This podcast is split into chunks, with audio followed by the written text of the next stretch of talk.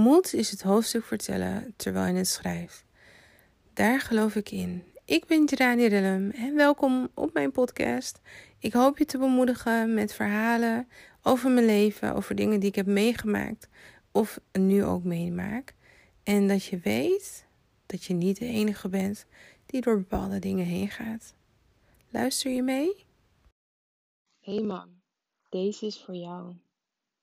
Ik stond vanochtend op en ik dacht: Dankjewel, mama. Dankjewel dat je Trey om het weekend uh, van me overneemt. Dat hij één of twee nachtjes bij je blijft slapen. Dankjewel, want je werkt nog steeds uh, fulltime. En dankjewel dat je me zo begeleidt in het singlemoederschap.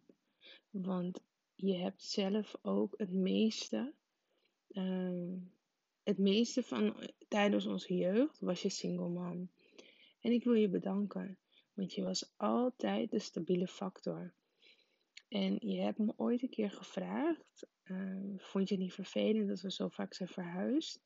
En toen zei ik, nee man, jij was altijd, jij was thuis. Dus het maakt niet uit waar we woonden. En het is ook niet zo dat we uit huis werden geplaatst of iets dergelijks. Een of andere dramatische ervaring. Nee, jij wilde altijd next level. Dus je, je zorgde ervoor dat als we verhuisden, dat dat een betere omgeving was dan de omgeving waarvoor, uh, waar we ervoor uh, woonden. Dus dank je wel, mama. Dank je wel voor je zoeken. Dank je wel voor je strijd. Dank je wel voor het vechten wat je voor mij hebt gedaan. Met alles, je weet het. Ook met school, met mijn dyslexie, om me laten te testen. Om mij de bijles te geven die ik nodig had. Om nu dus te kunnen zeggen, ik heb mijn HAVO afgemaakt. Ik heb een HBO-studie gedaan en ook nog eens rechten. En um, ja, ik wil je gewoon even bedanken.